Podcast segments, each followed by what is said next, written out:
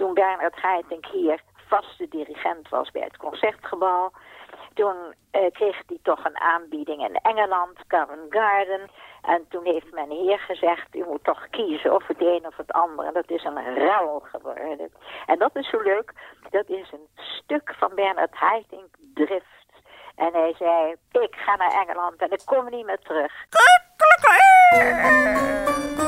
Hier is Hanengekraai door Luc Drosten met Elisabeth Bierens de Haan.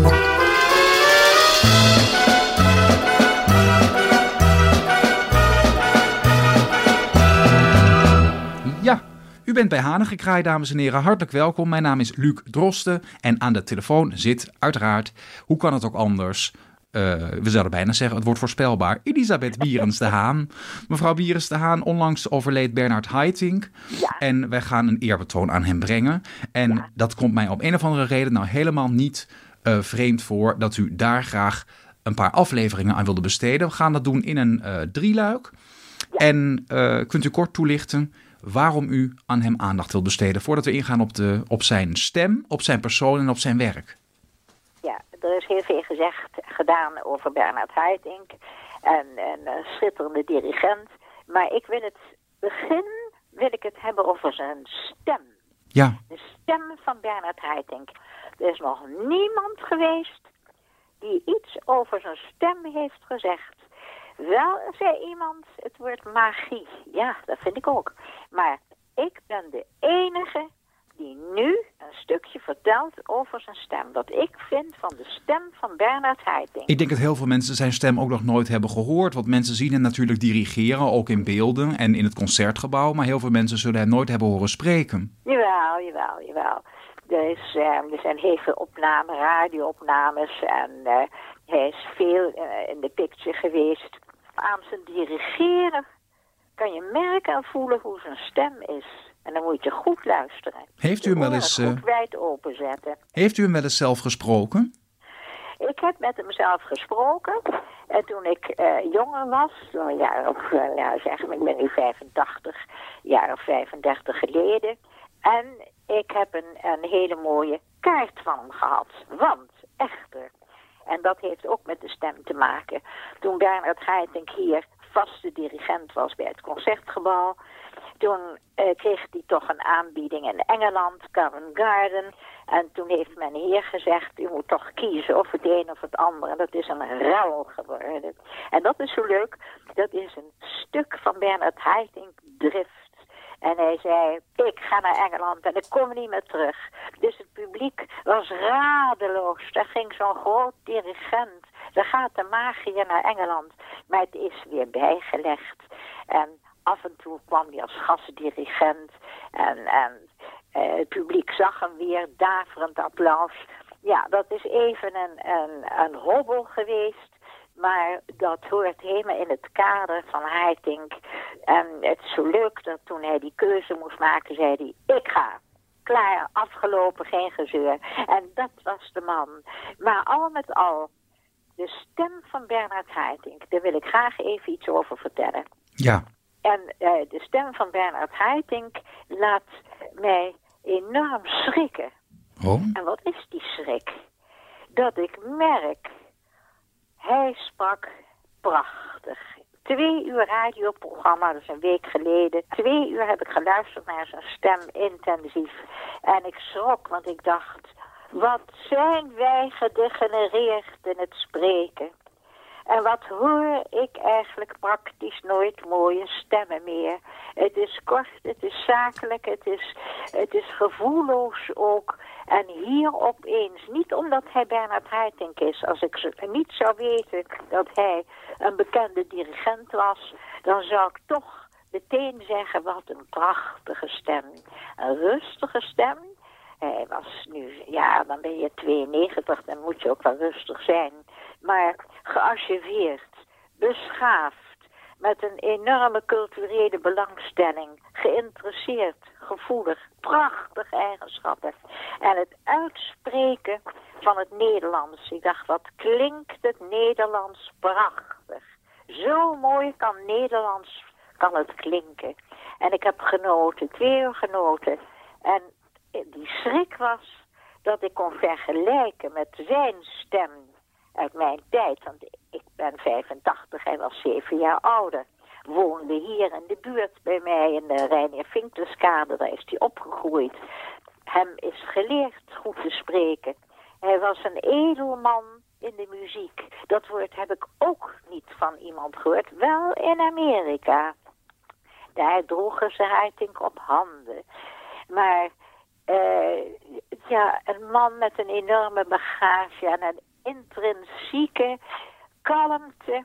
En uh, toen hem, er werd gevraagd van het kantoor van het concertgebouw, we zouden het prettig vinden als u de symfonieën van Mahler, dat u die uh, in twee jaar doet. Toen zei hij, nee, dat doe ik helemaal niet. Kijk, dat is Heiting. Nee, dat doe ik niet. Daar doe ik tien jaar over. Ik wil het goed doen en niet half.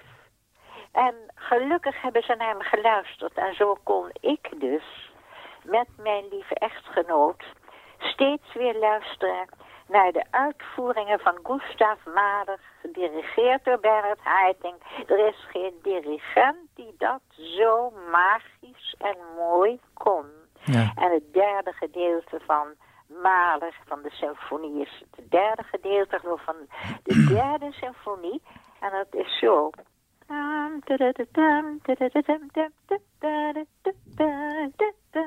Schitterend hoe dit gedaan werd.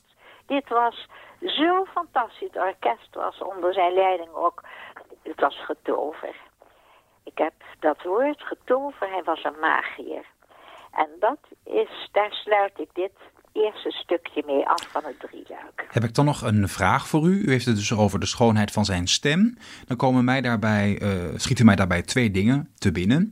Uh, ten eerste het feit dat hij dus uh, naar Engeland is vertrokken en daar dus ook natuurlijk jarenlang Engels heeft gesproken. Misschien daardoor dat zijn taalgevoel extra wakker is geworden. En tweede, uiteraard het feit dat hij een topmuzikus was en dat misschien muzici vanwege hun muzikaliteit sowieso uh, uh, misschien meer aanleg hebben voor verzorgde dictie? Of denkt u dat niet? Nee, dat zou je denken. Hè? Dat zou je denken. Dat is namelijk helemaal niet waar. Dat hoeft helemaal niet. Want toen Jaap van Zweden door Heiting eigenlijk uh, gekweekt werd en gebracht werd naar dirigeerschap. Hij was een violist, Jaap van Zweden. Hij sprak plat. En ik dacht, wat is dat nou toch zonde, zo'n prachtige violist. En dat heb ik vermeld in een van mijn boeken. De geneeskracht van de stem. Dat is in contradictie ook. Als jij Beethoven speelt en je speelt de Jupiter-symfonie van Mozart... en daarbij illustreer je dat met een klein praatje en dat is plat, kan niet. Nee. Dat gaat niet samen, maar het gebeurt wel. En bij Heiting, Heiting is in Engeland helemaal niet uh, toen uh, anders gaan spreken. Hij spreekt uitstekend Engels.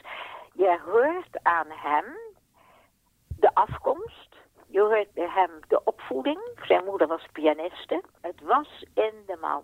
Die stem was al zoals ik hem door de jaren heen heb gehoord. Ja. En vooral met die twee uren en 92 jaar was, dus 91, toen het werd opgenomen. En uh, ik heb hem ook een boekje gestuurd. Ik vond het zo'n prachtig, Het Uur van de Wolf. Prachtige film over Bernard Haitink. Dat is, uh, je zou denken dat elke muzikus een mooie stem heeft. Dat is niet waar. Nee. Het is heel gek dat dat... Ik begrijp nou ja. dat nooit. Ik zeg, mama, begrijp je dat nou? Die pianist, die speelt zo prachtig. was Van Kleiburn, geloof ik. Maar hij sprak niet plat, hij sprak Engels, maar hij sprak, uh, ik meen, wat hard en wat, wat gevoelloos. Ik zeg, wat raar, hè, mama, mm -hmm. vind je dat ook? Ze ja, kind, dat komt voor. Dat ja. komt voor. En de brief die u van hem heeft ontvangen, misschien wilt u daarover praten? Ik heb die rel gaande was met het bestuur van het Concertgebouw, heb ik een ingezonden stuk gestuurd in de Telegraaf. En ik schreef de mooiste verbouwing van het Concertgebouw. Ik vind het een soort aquarium, hè, wat aan de achterkant zit. De mooiste verbouwing kan niet goed maken dat wij een van de grootste dirigenten eigenlijk, ja, een van de grootste hebben laten gaan. Dat er niet een oplossing was. Dat stukje heb ik uitgeknipt. Ik heb het een kopie gemaakt. En toen zei ik tegen Juliaan, waar moet ik het nou eigenlijk naartoe sturen? Waar woont hij? Hij woont in Bergen. Maar ik moet toch het adres hebben. En nou gebeurt er iets magisch. De telefoon gaat. En die telefoon, daar is de buurman van Bernard Haitink is aan de lijn, een hartchirurg. En hij zegt, ik heb vanmorgen een stukje gelezen, de Telegraaf. Maar Bernard Haitink leest de Volkskrant. En toen zei die buurman, als u nou nog iets wil sturen. Ik zei, ja, een heel leuk boekje waar hij in staat. En ik ben schrijfster en dit is een van mijn boekjes. Toen zei hij, stuurt het maar naar mij toe en ik geef het aan hem. En waarachtig, een week later krijg ik een prachtige kaart Monet. Met een heel sierlijk in groene inkt geschreven kaart. Dus dit was mijn contact met Bernhard Haitink. Nou, dan uh, sluit het voor nu af en dan zeggen wij dat we het volgende week weer gaan oppakken met het tweede deel van dit drieluik over Bernhard Harting. Dat eigenlijk gewoon een eerbetoon is aan uh, zijn kunstzinnige en muzikale leven. Dirigent. En we pakken hem volgende week weer op. Mevrouw Bierenstaan, dank u en tot volgende week. Heel graag.